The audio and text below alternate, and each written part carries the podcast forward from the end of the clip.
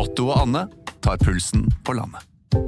Ja, det gjør vi. Jeg heter Otto Jespersen, og hva var det du het igjen? Jeg heter Anne Grosvold, og hver uke har vi med oss en interessant gjest. Det har vi. Otto og Anne tar pulsen på landet, hører du der du hører podkast. En podkast fra Podplay. Quiet, quiet, quiet. You are a rude, terrible person. Gjermund, du er en tre timers sykkelbåtpadling fra Granca. Du skal ta oss til en tre dagers ritt nord for Gondor. Vær så god. Takk. Og grunnen til det er jo at det var fort gjort å tenke på mot, hva du våger å ofre for noe større enn deg selv, eh, med det som skjedde fredag.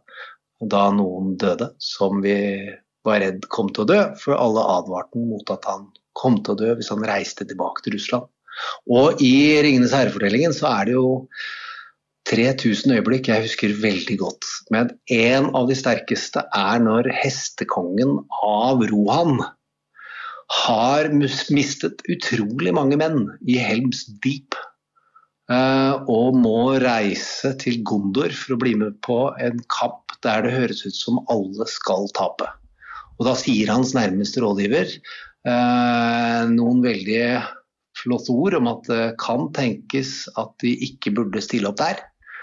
Eh, mens eh, hestekongen av Rohan eh, tenker litt slik Navalnyj nok tenkte når han reiste tilbake til Russland. La oss bare høre hvordan det fortoner seg. Too few have come. We cannot defeat the armies of Mordor. No. We cannot. But we will meet them in battle nonetheless. Å ofre seg for noe større enn seg selv, eh, det tenker jeg er det året vi er inne i, at mange nok gjør det. Eh, Hva tenker du Eirik? Vi skal altså til Navalny, eh, og snakk om å ofre seg selv for det større gode. Eh, Og det Dette er jo beretningen om en varslet død, skråstrek mord. Dette var jo noe alle så kom til å skje, det var noe han visste det var en stor sjanse for da han kom tilbake til Russland og havna rett i fengsel. Jeg tenkte vi kunne spille et uh, annet klipp fra Navalny, som er kanskje det ene sitatet som for meg da oppsummerer hvem han er, eh, hva hans kamp går ut på, og hva den russiske kampen mot demokrati går ut på. La oss eh, høre på klingende russisk. Если это произошло, это означает, что мы необыкновенно сильны в этот момент, раз они решили меня убить. Det Navalny her sa var If they decide to kill me, it means we are incredibly strong. Altså Hvis de bestemmer seg for å drepe meg, så betyr dette at vi er veldig sterke. Og det er jo det som ble bevist med dette. Og det er jo på en måte sånn en- enhver type autokrat, da, eh, som, som da sier at eh, jeg hadde ingenting med dette her å gjøre, som, som eh, fengselsmyndighetene sa til, til moren til Navalny, at dette var såkalt sudden death syndrome. Så det som ligger bak det, er jo at Putin vet at vi vet at han vet at vi vet at han står bak. Eh, Og det er helt greit. Det er, man prøver ikke å snakke seg vekk fra dette her på noen annen måte enn når man gir en sånn eh, klinisk eh, term. Men Gjermund, dette er jo Det er laget dokumentar om Navalny. Navalny er jo en sånn type slags politisk og popkulturell ikon i, eh, i Russland.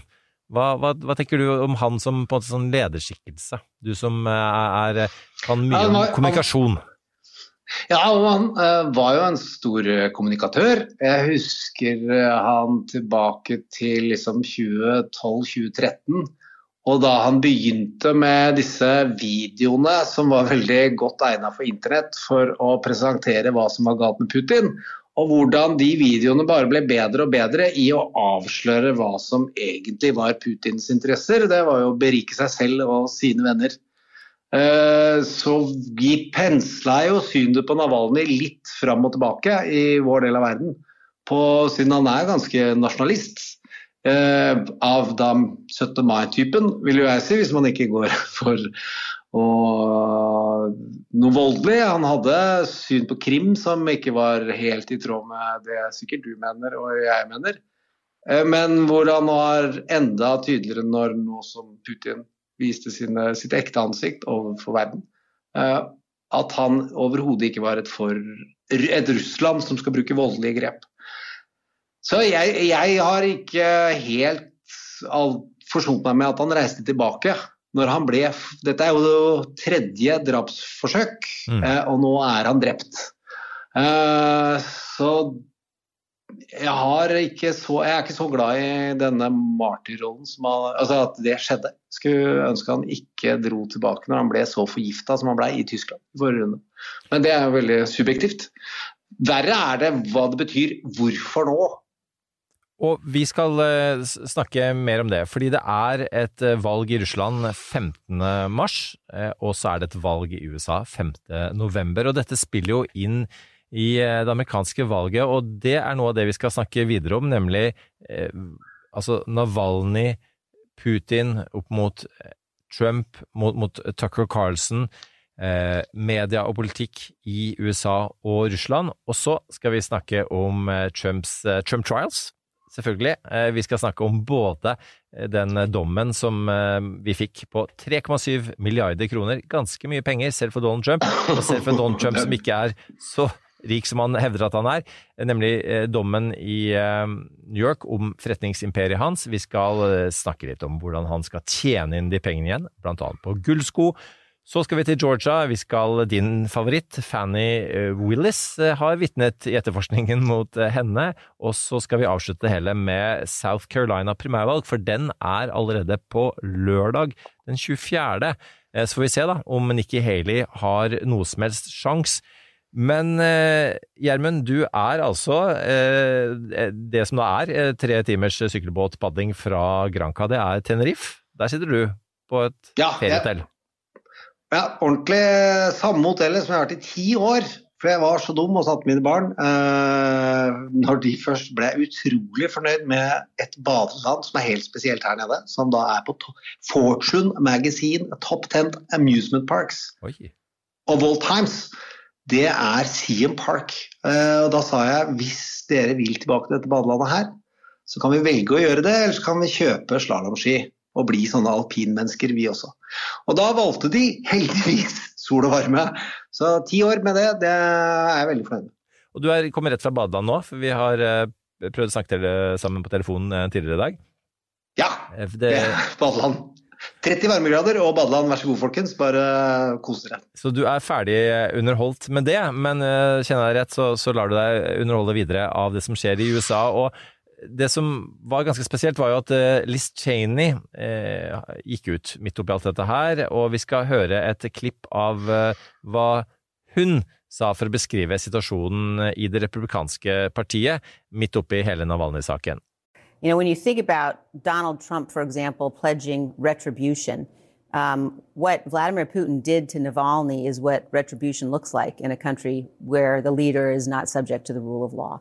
Um, and, and I think that we have to take Donald Trump very seriously. We have to take seriously the extent to which, um, you know, you've now got a Putin wing of the Republican Party. Uh, I believe the issue this election cycle is making sure the Putin wing of the Republican Party does not take over the West Wing of the White House. Altså, Liz Cheney snakker om en Putin-fløy i det republikanske partiet. Jeg har ikke hørt den der før. Den er ganske bitende, for å si det sånn. Det er jo det som skjedde i forrige presidentperiode. At sakte, men sikkert så gikk de fra å ta et oppgjør med valginnblandingen som Putin drev med, hvor Rubio ba vel, senatsrapporten ba om å ta, tilta, ta ut tiltale mot Donald jr., til at flertallet støtta Donald i at dette skal vi Putin skal vi ikke kritisere noe særlig. Og nå er det, nå er det mørkt med det som kom av utspill i helgen. Ja, og en som ikke har kommentert dette her i særlig grad, er jo eh, Trump selv, eh, som har egentlig bare brukt dette som en, knagg til å snakke om ja, Biden og, og, valgkamp. Han har ikke, som Biden, kalt inn til pressebrif for å snakke om eh, Navalny. Eh, og eh, han har hatt en Det var på Truth Social hvor han snakket om the sudden death of Navalny, bla, bla, bla, bla. bla. Så går han rett på crooked, radical left politicians, prosecutors uh, osv. We are a nation in decline, a failing nation. Eh, Maga 2024 eh, med store bokstaver stort sett hele veien her. Altså, hvorfor er det så vanskelig for han det hele tatt å bare si et eller annet sympatisk og velmenende og demokratisk om Navalny? Å si noe hyggelig er det jo ikke ikke lett for han hvis ikke det handler om at han står sammen med noen på en scene. Og så vil jo han bruke dette mot Biden ved en senere anledning og si at Navalny aldri ville vært drept hvis han hadde vært president. Eh, så han skal ha muligheten til å være mer motstander av Putin i nærmere valgkampen for å spille reality-programmet slik han har tenkt.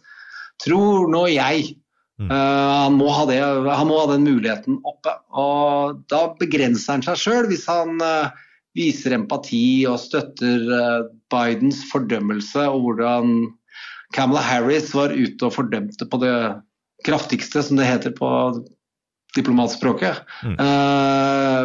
han har lyst til å kunne gå ut senere og si jeg ville gått mye hardere, og jeg, det ville ikke ha skjedd hvis jeg var ved makten.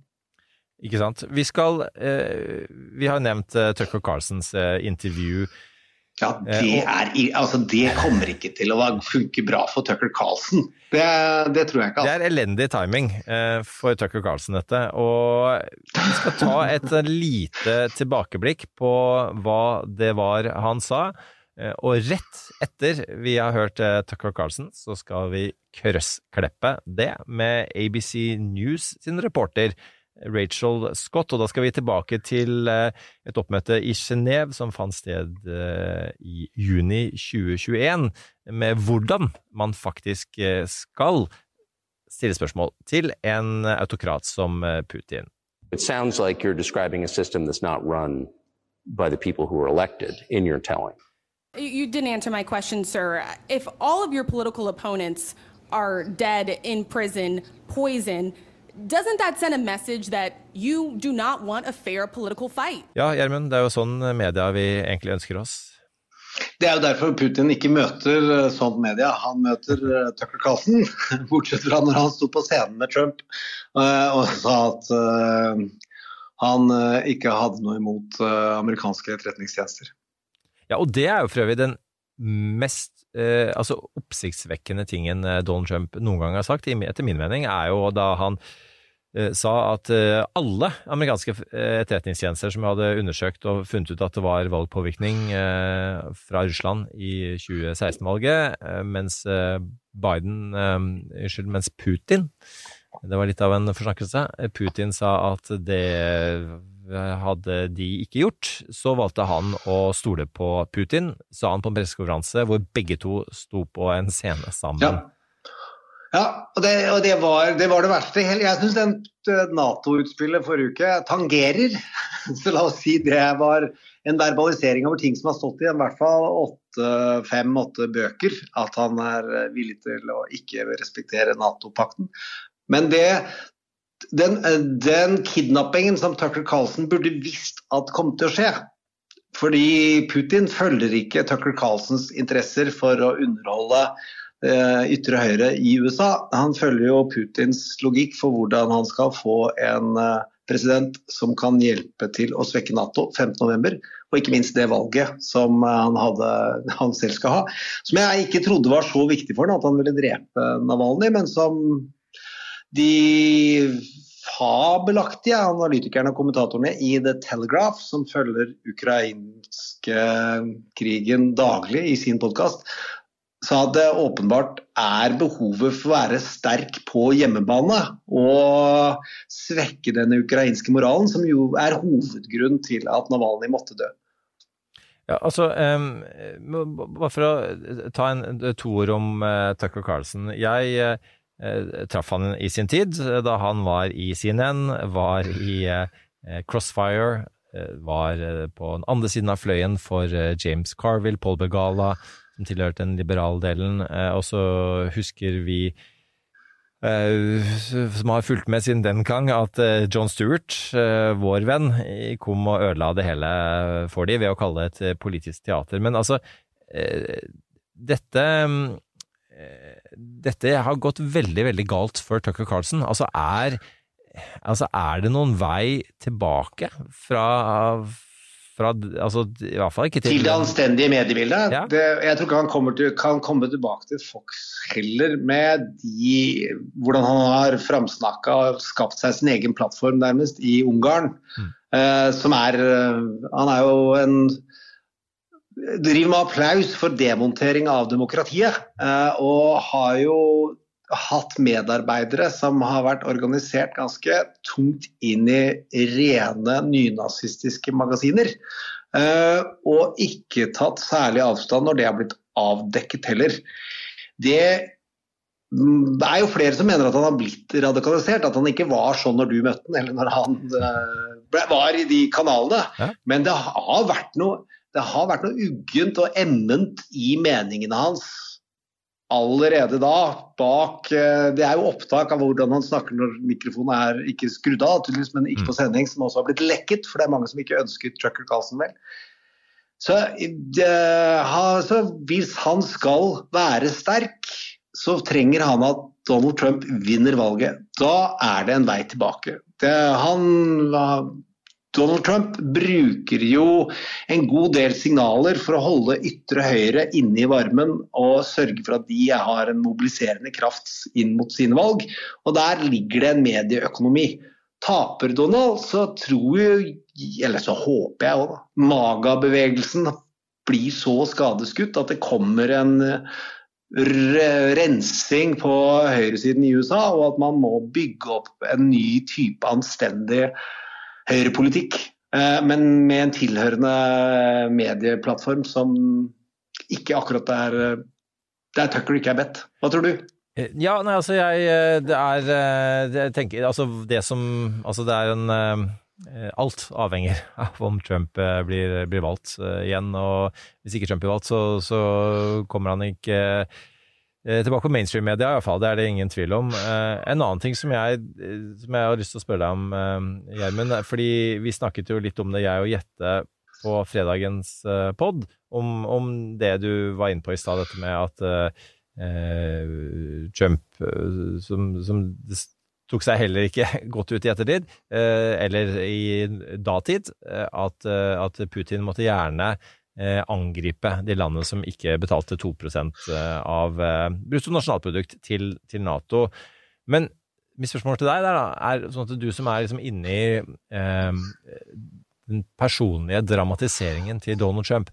Dette gjør han midt i en negativ nyhetssyklus for Biden. Alle prater om, også på, i det mest liberale av liberale media, eh, hvor gammel Biden er. Dårlig eh, eh, PR for Biden. Og så går Trump ut med det som er dårlig PR for Trump. Eh, den er igjen, den er nærheten til tettheten til Putin. Men og da er man fristet til å tenke at altså, i, i Trumps hode er nå grensen mellom negativ og positiv PR opphevet. Og det er bare det å bare Den har alltid vært opphevet. Det har aldri vært en grense. Ja. Altså, Han tenker all PR er god PR fordi han trenger å markere seg. Så han, når han skaper en følelse og kobler på en tanke, så bryr ikke han seg om at den er negativ nå. For han skal bygge troverdighet for et eller annet narrativ eller et budskap som han tror han blir sterkere på. Og Det er jo noen budskap som ikke bare handler om uh, hans fascinasjon for eh, diktatorer og autoritære ledere, og at han ikke virker som han egentlig er glad i demokratiet. Det er jo isolasjonisme. Det at man sparer penger og dyrker amerikanske interesser og ikke trenger å forholde seg til resten av verden. Ved å konsekvent da uh, si at han ikke har tenkt til å skape noe konflikt utover det som har skjedd med Putin. Og det at han ikke har tro på multilaterale avtaler. Fordi han er sterkere, og i en bilateral sammenheng så kan han alltid forhandle seg til en oppside. Så klarer han ikke la være heller, da. Så det var ikke planlagt, er jeg ganske trygg på, å gå såpass overboard rett i strupen på Nato den helga. Men han mener ikke at det er galt. Eh, fordi han har fått ut rykte om at han kommer til å ikke nødvendigvis være medlem av Nato. Slik han har plassert et rykte om at han ikke nødvendigvis vil være medlem av det republikanske partiet engang. Han vil hele tiden eh, være der hvor Trump kan få mest makt. Kronemarked hos Bar. Nå har vi en mengde varer til 10 og 20 kroner. Hele denne uka får du løbiff fra Folkets før 54,90, nå kun 20 kroner. I tillegg får du et utvalgt Vasa knekkebrød, før fra 1690, nå bare 10 kroner. Alltid tilbud på noe godt. Hilsen oss i Spar. At han tenker mer som eh, ja, rett og slett eh, reality-logikken. At han er i en forhandling hvor han først skal presse Nato-land for mer, uh, mer penger. Uh, ikke til Nato. Det er jo at USA skal ha noen fordeler, og at han skal ha større fordeler. Ved å nekte å stille opp dersom det skjer noe. Og så kan man jo se for seg hvordan Putin vil svare hvis han skal få demontert Nato på et vis som Donald Trump vil akseptere, så vil det jo være overskridelser som eh, USA da truer med å ikke stille opp for. Slik vi så med Krim i første runde. Det kommer vel til å utspille seg de, nærme, de, første fire årene på et eller annet vis, hvor han, Donald Trump ønsker å berike seg, og så vil han vel komme seg ut av det på sikt. på et eller annet vis, Men først skal han ha så mye som mulig. Det er jo ikke sånn at han går ut dag igjen. Da har han jo ikke noe å plage folk med å presse folk for penger. Vi kan jo eh, avslutte dette segmentet her med å fastslå at når Putin sier, eh, som han gjorde i helgen, at eh, han ønsker seg Biden som president, så er det vel ganske selvsagt at han egentlig ønsker seg han som vil legge ned Nato som president, men det er litt lita avledningsmanøvre der, er du ikke enig? Jeg tror Christ, Christer Falk i Robinson, gode gamle strategien om å være nest dårligst hele tiden. Og passe på å liksom være fiender med de som det lønner seg å være venner med. Det um, Uten noe som helst sammenligning. Men han var en god strateg, det skal folk ha. Vi går til uh, Trump Trials, uh, og her trenger vi nok en jingle med tid og stunder, for denne kommer ikke til å unnslippe en eneste episode. Det aller siste nå, vi hadde jo våre fire straffesaker Sist eh, nå var det altså en av sivilsakene, nemlig Trumps forretningsimperie eh, i New York, hvor det kom en dom. Da var det bare spørsmålet hvilken strafferamme dette ville få. Eh, altså 3,7 milliarder kroner er ekstremt mye penger eh, for en som er veldig, veldig rik. Eh, det er enda mer penger for en som ikke er så veldig rik som man hevder at han er. Eh, og her, Gjermund, Star Wars-fan numero uno, så slår ikke imperiet tilbake. Nei, her får imperiet bli utvist i tre år. De har ikke lov å drive forretning i New York. Og det er, en, det er jo skam. Det er en måte å shame forretningsmennesker på. Det er jo ikke det første tapet de har gjort heller, i, som forretningsfolk i New York. De er allerede fradømt fra å drive med ideell virksomhet. For de hadde jo en ideell virksomhet som de brukte som sin egen lommebok til skatteplanlegging, og hvor ingen ideelle fikk noe som helst. Det var jo veldig venta at dette kom til å gå veldig dårlig for Donald Trump. Og summen som det havna på, hadde dommeren allerede sagt. Og som, som rettsdrama så var denne her lite egna. Eh, det var heller ikke jury, for de klarte ikke å levere riktige papirer, slik at de fikk juryvurdering. Og dommeren sa at altså bevisene var så overveldende at han ikke gadd å bruke så lang tid. For han mente det var helt entydig at det var juks og fanteri over tid. Udiskutabelt. Og han skulle tenke litt, skulle komme tilbake med en sum, men han anslo at det ville være i det området akkurat Jeg tror det er en million fra eller til jeg, på eh, dollaren, liksom. Som eh, var og, Nei, det var uh, hardt. Ja, det er, jo, det er jo omtrent den summen det koster å drive en valgkamp i seg sjøl, så det blir jo spennende å se hvordan de pengene skal hentes inn. Trump, apropos rettsdrama, Trump stormet ut av rettssalen, sa 'I'm leaving', og kalte da dommer Engoron en skurk, og New Jerseys justisminister og, akt, og øverste aktor Letitia James for korrupt. Og der var det jo ikke noe nytt i Trump-leiren. Nei, og Latisha James, det er en stor seier for henne. For det er mange som har kritisert at hun har jobba for sakte og for dårlig, mens det er lite som tyder på at dette blir anket vekk. Da Donald Trump for å, han må vinne presidentskapet. Det er ikke bare for å styre seg unna fengsel, men det er en enorm inntektsmulighet som ligger i at han kontrollerer det politiske partiet. Han tjente mer fra, fem, fra han tapte valget, som han gjorde forrige gang, til 6.1 på sutring og klaging over at valget var stjålet. Det har han enorme pengeinnsamlinger for. Og det er jo da dessverre lettere å bruke de politiske pengene til egne formål enn f.eks. drive en ideell stiftelse, som han ikke får lov til å gjøre lenger. Så synes jeg at, at, Det som er mest oppsiktsvekkende med den saken, her, jeg synes egentlig dette er kanskje den viktigste av alle sakene, ved siden av det å stjele valget, selvfølgelig, som vi skal komme litt tilbake til, i, blant annet i Georgia. Men dette med at altså, Trump stilte til valg i utgangspunktet for å styrke merkevaren sin, Trump. Og han endte opp med å vinne valget, noe som ifølge en hel rekke bøker ikke var den opprinnelige intensjonen. Og så, så ender han altså opp nå med at uh, det er nettopp merkevaret hans uh, som, som, lider uh, aller mest. det å ikke han kunne drive Trump-organisasjonen i New York, hvor han jo har disse gullbelagte bygningene med navnet sitt på toppen.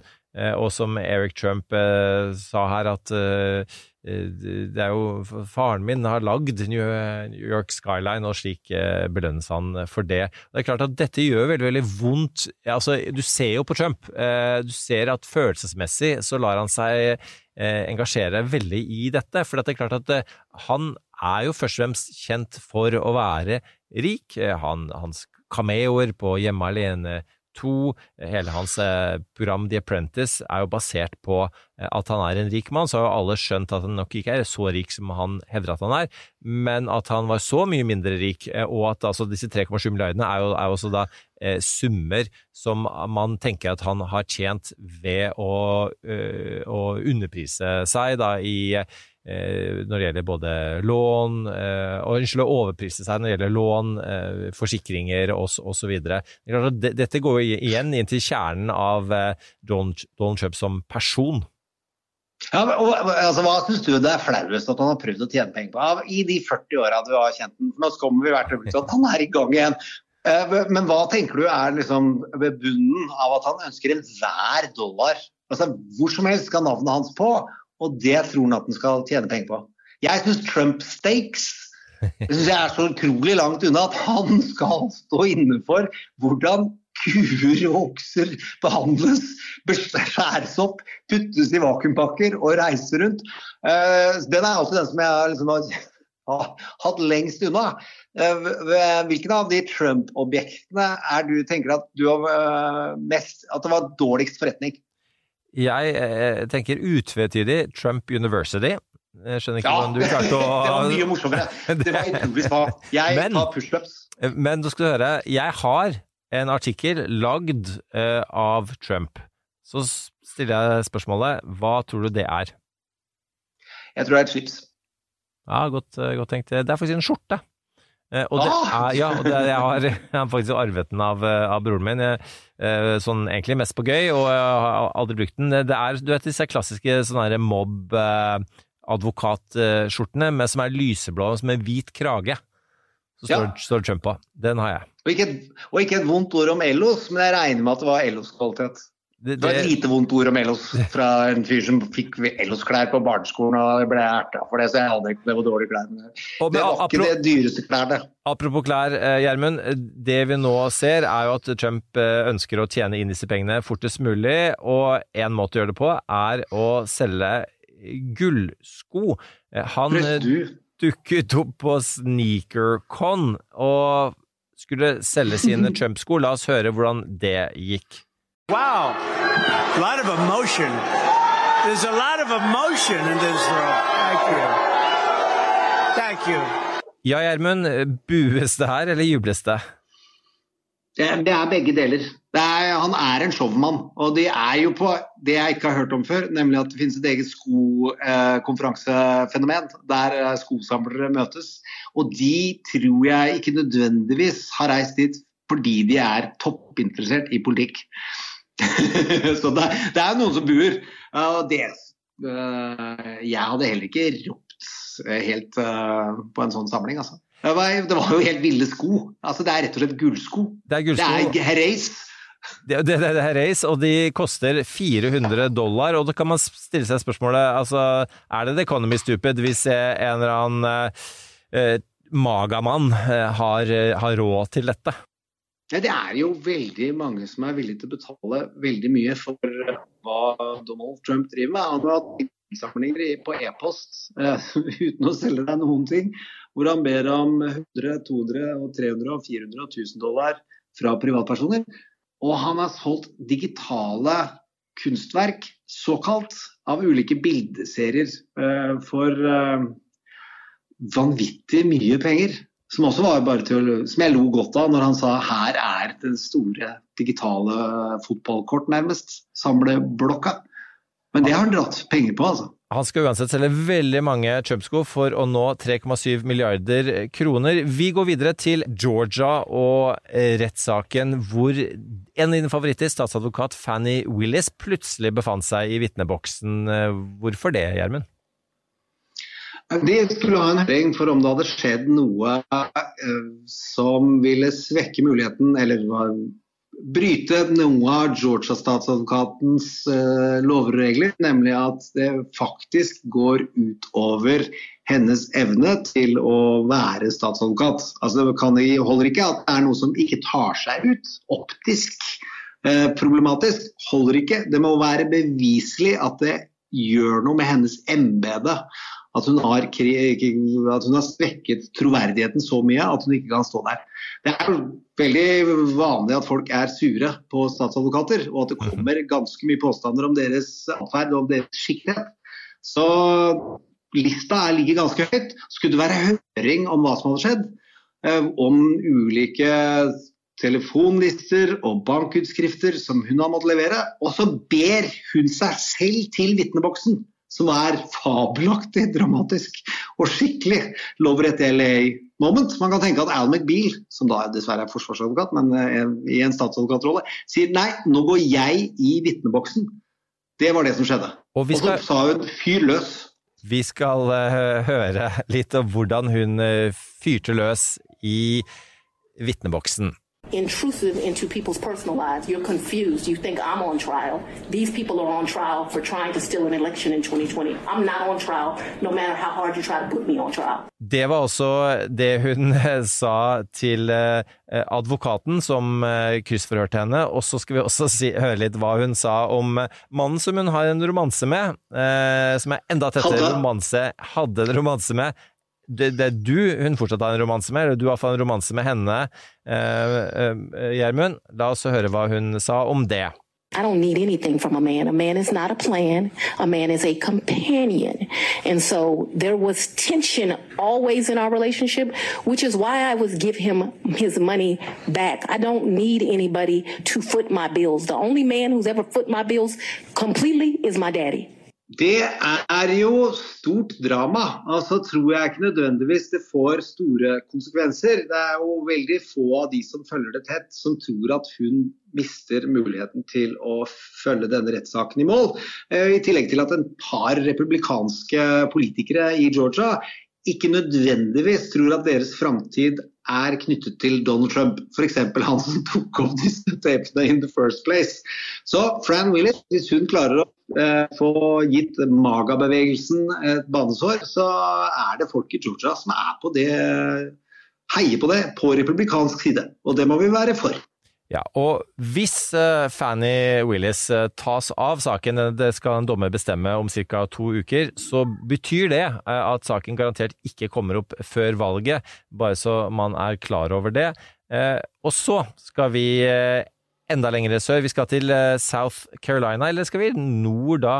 Nå blir jeg jo helt eh, geografisk forvirret. Vi skal litt nord, vi. Til uh... Jeg tenker at jeg sier at du har helt rett i det, og alle som vet bedre, kan ringe til Altså, en ting er kunne alle disse statene, men så vite hvor de ligger i forhold til hverandre. Dette var faktisk noe jeg øde, holdt på å ødelegge for meg, meg og Sofie Dag var med i Alle mot alle, hvor jeg ikke klarte å plassere Sognefjorden, og hele min svigerfamilie ikke har snakket med meg siden den gang. Uh, dette er make or break, eh, Gjermund. Altså, uh, Nikki Haley vi, hvis hun skal ha noen muligheter Hun har to muligheter eh, for å vinne dette valget. og Det, Det er ene er Trumps rettssaker. Ja, altså, du, det, er, det er Trumps rettssaker, og det andre er eh, eh, om Og de, om de, da må de jammen skynde seg å komme i gang. Eh, og så det andre er, er rett og slett eh, hvordan hun gjør det i sin hjemstat eh, South Carolina. Har du troa? Jeg, jeg har troa på at hun kan fortsatt holde på en god øh, noen uker etter South Carolina, men jeg har ikke noe troa på at hun vinner der. Eh, der har målingene vært konsekvent i Donalds favør, og det er hennes hjemstat. Og der er ikke som i Georgia, der er Maga-bevegelsen utrolig fornøyd. Og eh, det republikanske partiet ordentlig i uh, takt bak Donald Trump. Uh, og Nikki Haley har vært, eh, som vi noen av oss vet, ganske hard i klypa når hun var guvernør der. Så hun har ikke bare venner back in the days. Så er det sånn, alle sier at uh, motkandidater i presidentrace de uh, gjør veldig store overveielser om de vil fortsette eller ikke. Mens de bakspillerne sier jo at alle vil fortsette til pengene er tomme. Så er spørsmålet om det vil fortsatt bli investert i Nikki Haley. Eh, Og der er det jo folk som har hivet inn penger helt til nå. Og så er det noen som tror det vil fortsette også til Super Tuesday. Men etter det så kan det bli klønete å se på. Men altså på vegne av Trump-tirsdag, som vi ønsker skal bli Supertirsdag, så syns jeg jo at for dramaet sitt del at det er bra å ha Nikki Haley. Altså Du skal jo høre de fabelaktige strategene til Obama. Eh, Gibbs bl.a. og eh, Pfeiffer. Uh, en annen fyr som heter, som sier at hvis jeg jobba for henne, hadde jeg sagt kom deg ut. Din politiske framtid er knytta til å komme deg ut og sluttårene og lat som du levde lengst, men nå strekker du deg bare. Men uh, privatpersonen sier stå på, Nikki! Ja, Kom igjen! Én En runde til!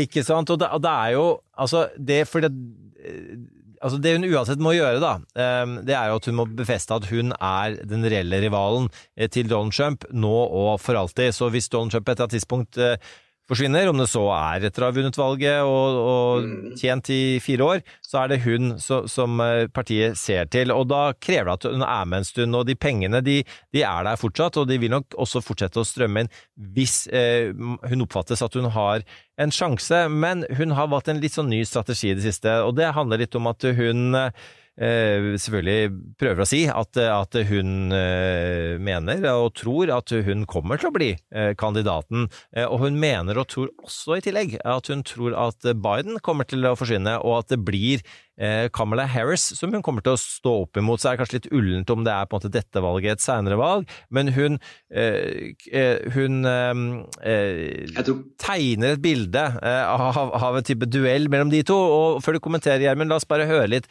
hvordan hun eh, uttrykker det. The party that gets rid of their 80 year old candidate is the party that will win. There will be a female president of the United States. It will either be me or it will be Kamala Harris.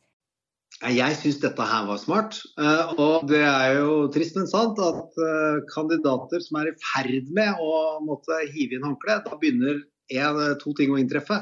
Ærligheten og viljen til å ta spisse, tydelige strategiske valg. Og jeg tror ikke det er tilfeldig at hun sier eh, det vil være meg og Kamala Harris. Det står om. Eh, fordi du snikaktualiserer at Biden er gammel, eh, som eh, ikke akkurat er et narrativ hun har lyst til å bekjempe. Og det andre er at hun gjør seg til en mulig vinner.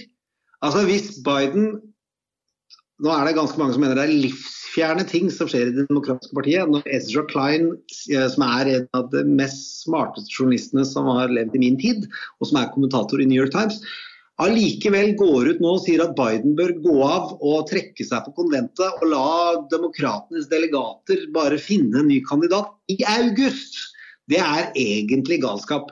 Men hun vil forsterke den tvilen og den smerten som ligger i det. Og i tillegg snakke fram Camilla Harris i manesjen. For det er slik at det er veldig mange som er ganske sikre på at Camilla Harris vil ikke vinne et valg.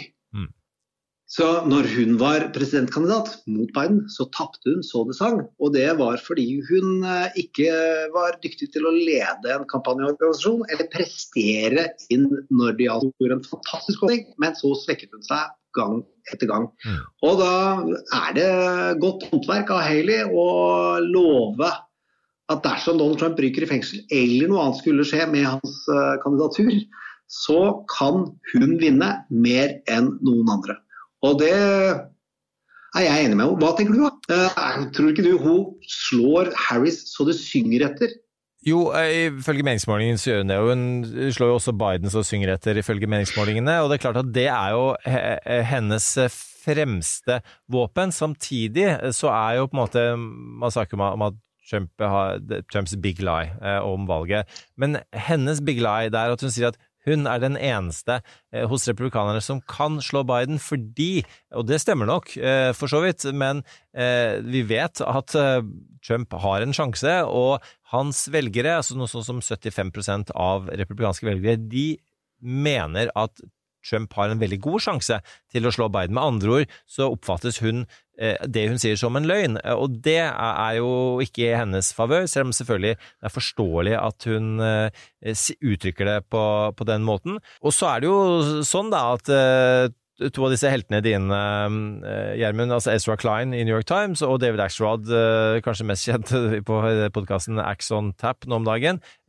de, det er veldig det er vanskelig å slå deres politiske instinkter, og begge to har jo sagt, som blant få på liberal side, at Biden må byttes ut. Og det er jo ingen tvil om at en anledning vil kunne være demokratenes landsmøte i august, som betyr at, at du har ikke et, sånn, et, vanlig primærvalg. På den andre siden så har Camilla Harris fått støtte denne uken her, fordi man mener at abort vil være så viktig, og på en måte kvinners rettigheter vil være så viktig, og at hun er tross alt mye bedre til å målbære det enn Biden, og Biden har man sett ved en del eh, som folkemøter, at, at, når han har begynt å snakke om abort, så har folk vært med å rope på abort, og så har det gått over til ropet eh, om Gaza. Eh, sånn at det er mulig at hun vil, også gitt at, også at myndighetene endrer Gaza-politikken sin for øvrig, så kan det være at hun vil ha mer suksess med det. Nå vil jeg si at det er stor forskjell på Axelrods utspill tidlig i november eh, eller slutten av oktober, og at Ezra Klein går ut i slutten av februar. Det er, det er veldig store tidsforskjeller på hva som er mulig å gjøre av grep. Og så har det skjedd et par svære endringer som eh, Axelrod har ikke bedt om bytte siste månedene, i hvert fall, som jeg har fått med meg. De lufter denne alderdommen som et stort problem. Det er der, det har alltid vært der. Eh, det går ikke å la demokratiske overkikkadorer på et uh, landsmøte plutselig hive inn en ny kandidat og tro at det skal stå seg spesielt bra. Det eneste måten det kan fungere på, er at uh, da bør Biden ha hatt et ildbefinnende slik at han faktisk ikke kan stille. Da går noe slikt. Men at mm. Det demokratiske partiet plutselig skal hive den sittende presidenten og hive ut de ikke helt ubetydelige politiske resultatene han kan vise til. At økonomien har jo skåret utrolig mye mer enn det noen demokratiske valgstrateger kunne ønske seg på et papir, har det blitt bedre enn. Uh, og det med abortsaken, at han presterer dårlig på folkemøter, betyr ikke at det ikke mobiliserer. De har mobilisert til demokratenes fordel ved alle valg, og i alle valg, også i 2015 syns jeg Biden var gammel. Jeg syns det i 2016, da tapte Hillary. Eh, Biden var gammel i 2019, da alle sa at han kommer, til å drive, kommer ikke til å komme seg ut av garasjen. og 2020, eh, når han eh, satt fast i pandemien. Og 2022. Jeg er jo ikke noe for at en sånn gammel mann stiller, men å bytte den ut nå, det er eneste mannen som har slått Trump. Og en, og en, annen sak som også uh, har, fått uh, noen tanker, da, som har fått også litt medvind på republikansk side, er jo at uh, Ronald Reagan, selv om han var mye yngre enn Biden, alderdomsmessig var tilsvarende gammel og og krokete, og, og hadde eh, også rykter om, om, tegn på demens osv. Og, så og så vet vi at eh, selv om det aldri ble bevist i klartekst, så, så, at han da faktisk fikk demens under sin andre periode, så fikk han iallfall veldig kort tid etter den andre perioden var over. Så, var, den type hensyn har vært der før også, så man må ikke se seg blind på alderen i seg selv, men, men alderdomstegn har, har vært en sak også i amerikansk politikk før det med målingene, Vi må jo få inn noen av de fabelaktige målingsfolka fra Norge som kan fortelle litt om hva som er forskjell på head-to-head-måling i februar. Og hvordan det kommer til å endre seg mot mai, juni, juli og august. Fordi at Biden ligger dårligere an enn Trump gjorde på samme periode, er jo noen strukturelle grunner til. Eh, og at man ikke kan forvente at den sittende presidenten skårer veldig bra åtte-ni måneder før. Der er det noen faste mønstre hvor det amerikanske folk som ikke ligger over New York Times, Washington Post og 538 hver eneste dag, hører på ni podkaster og tenker det finnes ikke morsommere enn amerikansk politikk, de følger ikke skikkelig med. Og det de har en sunn innstilling på i USA, det er at landet det bør styres dritbra. Og til man være litt misfornøyd. Så Biden har ikke gode tall. Eh, det er jo lite som eh, tyder på at det kommer til å bli veldig mye bedre, veldig mye raskere. Eh, det er ikke naturlig at han skulle hatt kjempebra tall ved i det, altså den måneden vi er i nå allikevel. Eh, godt poeng. Vi får se hvordan det utarter seg. Du, eh, Helt til slutt her, Gjermund. Du har et basseng og en bassengdrink eller to som venter på deg. Men du som er ekspert på kampanjer, er jo også ekspert på eh, psykologiske kampanjer, altså psyops. Eh, og det Lincoln Project yes. holder på med, det er jo å prøve å komme under huden på Trump. Denne uken så tok de det et steg videre. De eh, har rett og slett eh, lagd en AI av faren hans, Fred Trump. Eh, og vi skal straks høre hvordan det høres ut, men først, altså eh, Det er det ultimate peket mot en mann som eh, fortsatt en dag i dag, lenge etter at faren er død, sliter med hans forhold til faren. Jeg tenker at det, De bruker jo da dette som er veldig underkommunisert i uh, kommunikasjonsverdenen, hvor viktig frykt er. Slik Putin tar livet av Navalny fordi han trenger å spre frykt uh, i de rette miljøene til rett tid, så tar da Lincoln Project tak i Donald Trumps største frykt, nemlig skuffe sin far. Han har gigapappakompleks. Og faren i de bøkene jeg har lest, er noe av det Altså er jo en sosiopat og ekstremt ille som barneoppdrager. Så jeg har jo ikke hatt det bra. Eh, og så At de tar og løfter fram han i en video, det virker på Donald Trump. Han klarer ikke la være, og det har de gode kilder på. Lincoln er en av elitestrateger og reklamemenn som har funnet hverandre og har det veldig gøy med å plage Donald Trump, eh, men har fortsatt kilder og kontakter innover det republikanske partiet. Der det er litt for mange som fortsatt tror de vil være rundt Donald Trump, i tilfelle de kan bli enda rikere. De vet at han ser de filmene. Og han er jo da såpass at han ikke klarer å fortelle om det på Truth Social. Der er ikke så i denne filmen, hør hvordan de slett skriver et godt stykke trailer til filmen om Donald Trump, eh, hvor farens karakter ødelegger hans evne til å konsentrere seg og gjøre en anstendig jobb. Selv eh, når det handler om demontering av demokrati, ødelegge Nato, sikre at verden havner i ikke-demokratiske hender. Og, eh, så må alle, alle må gå og anbefale til venner rate som tusen. Uh, Det var, det var da skulle jeg faktisk til å si det, Gjermund, for nå har jeg lært. Eh, og ikke minst da jeg så eh, de elleville tallene som også kom sist, som viser at eh, ganske så mange hørte hele episoden vår eh, om de fire rettssakene. Eh, så tusen takk for at dere følger med, og eh, håper å høre eh, så mange av eh, dere som mulig eh, på fredag, da vi har en eh, hemmelig, spennende gjest eh, som joiner meg og Jette.